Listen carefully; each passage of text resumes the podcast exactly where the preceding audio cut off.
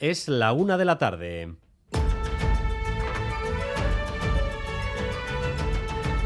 Crónica de Euskadi con Dani Álvarez. A Rachaldeón, a 15 días para el Tour de Francia, el Lendakari se pone al frente de la situación en la Archaincha. Ha anunciado en el Parlamento una reunión con los sindicatos para renovar la oferta para un nuevo convenio. Eso sí, desde el realismo. El Departamento actualizará las propuestas de mejora de las condiciones laborales que ya había planteado en las reuniones precedentes.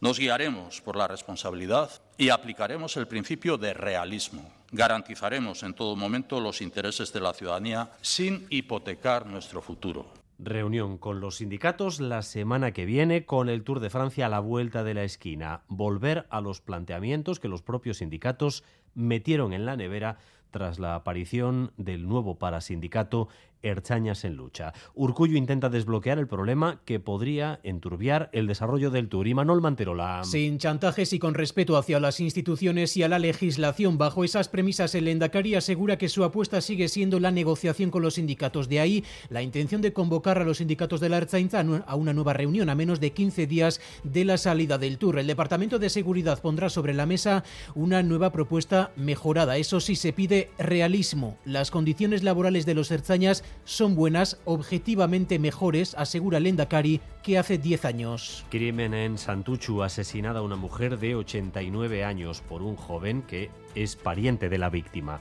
Él mismo se ha entregado a la policía. Al parecer, sufre problemas mentales. Xavier Madariaga. Begochu llevaba tiempo sin salir de casa, pero las vecinas la veían todas las mañanas en la ventana, hasta ayer, que ya no apareció, y por la noche ha sido detenido su sobrino después de haber dado él mismo el aviso a los agentes. El detenido sigue a esta hora en dependencias policiales. Y esta mañana se ha constituido el nuevo Parlamento de Navarra ha pasado lo que todos sabíamos que iba a pasar. El nuevo Parlamento lo presidirá de nuevo el Gelchale Unai Ualde. La derecha está dividida en Navarra y eso facilita el paso a las llamadas fuerzas progresistas. Pero estas, unidas, unidas, tampoco es que estén.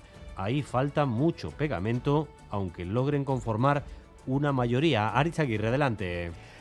A mala cara y con pocos abrazos, pero Geroa Bay y el PSN han cumplido lo pactado, elegir a Unai Ualde para ser presidente del Parlamento una vez más. Presidente del Parlamento de Navarra, parlamentario foral, don Unai Ualde Iglesias, al haber obtenido el voto favorable de la mayoría absoluta de los parlamentarios y de las parlamentarias forales ha recibido el apoyo de las cuatro fuerzas progresistas del Parlamento, 30 votos de 50, y la mesa del Parlamento, en la que seguirá EH Bildu, tendrá mayoría progresista. Los dos restantes serán para UPN. Pero ahora falta lo más difícil, que el abrazo de hoy se repita para elegir al o la presidenta y la conformación del Gobierno de Navarra. Para eso habrá que hablar mucho en la relación. Hoy programa especial de Radio Euskadi desde el Parlamento de Navarra en su conformación para esta nueva legislatura. Mañana por la mañana programa especial Ayuntamientos, aquí también en Radio Euskadi, las votaciones y los ayuntamientos donde hay más emoción, se lo contaremos en directo desde las 9.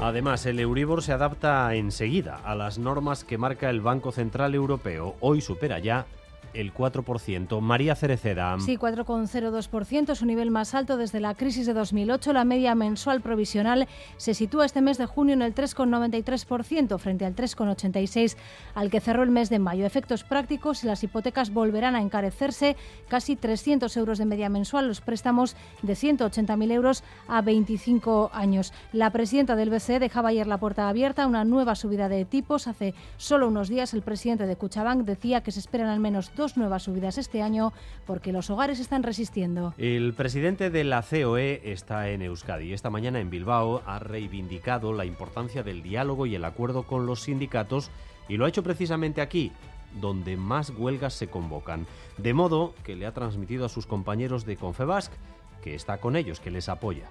Anoche, en Gambara, precisamente, Michel Lacunza, del sindicato ELA, decía que las huelgas forman parte del ADN del país para mejorar las condiciones laborales.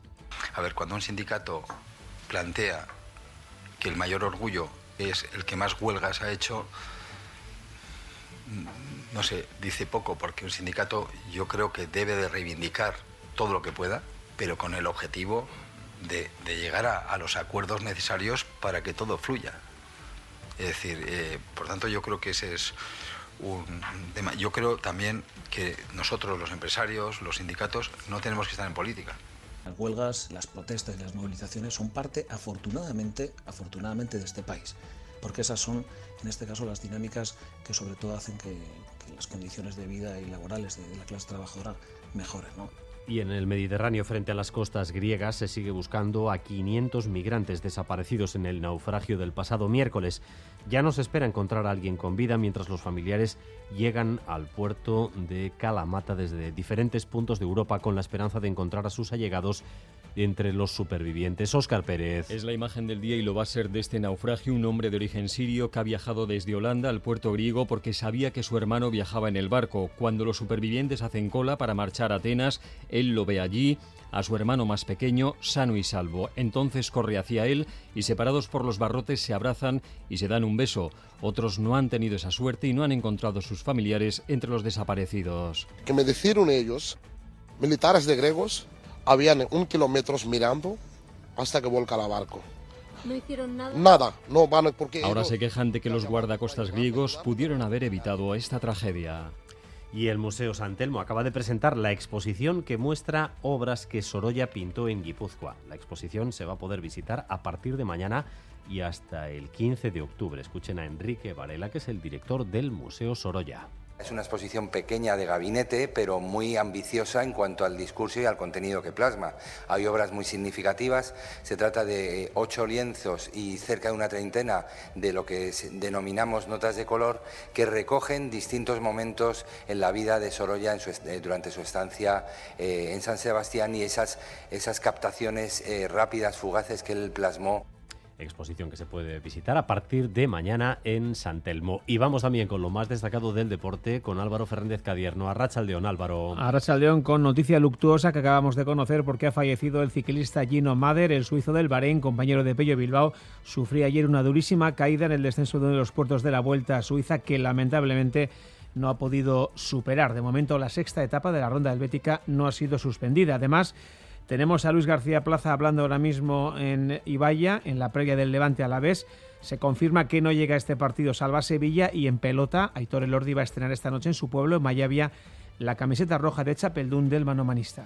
En el tráfico, precaución ahora mismo por eh, un punto, en un punto, en la A15 en Astigarraga, sentido Donostia, debido a la avería de un vehículo que está ocupando uno de los carriles. A15, Astigarraga, sentido Donostia, un carril ocupado por la avería de un vehículo. Y en cuanto al tiempo, pues ya lo ven, ahora mismo ambiente veraniego y estable. No se esperan lluvias, lo que viene es más sol y más calor hasta la noche. 28 grados ahora mismo en Bilbao, 26 en Pamplona y en Vitoria-Gasteiz, 25 grados en Donostia, 24 en Bayona. Eso sí, atención mañana porque habrá cambios especialmente a partir del mediodía. El Departamento de Seguridad va a activar un aviso amarillo por fuertes precipitaciones y por tormentas.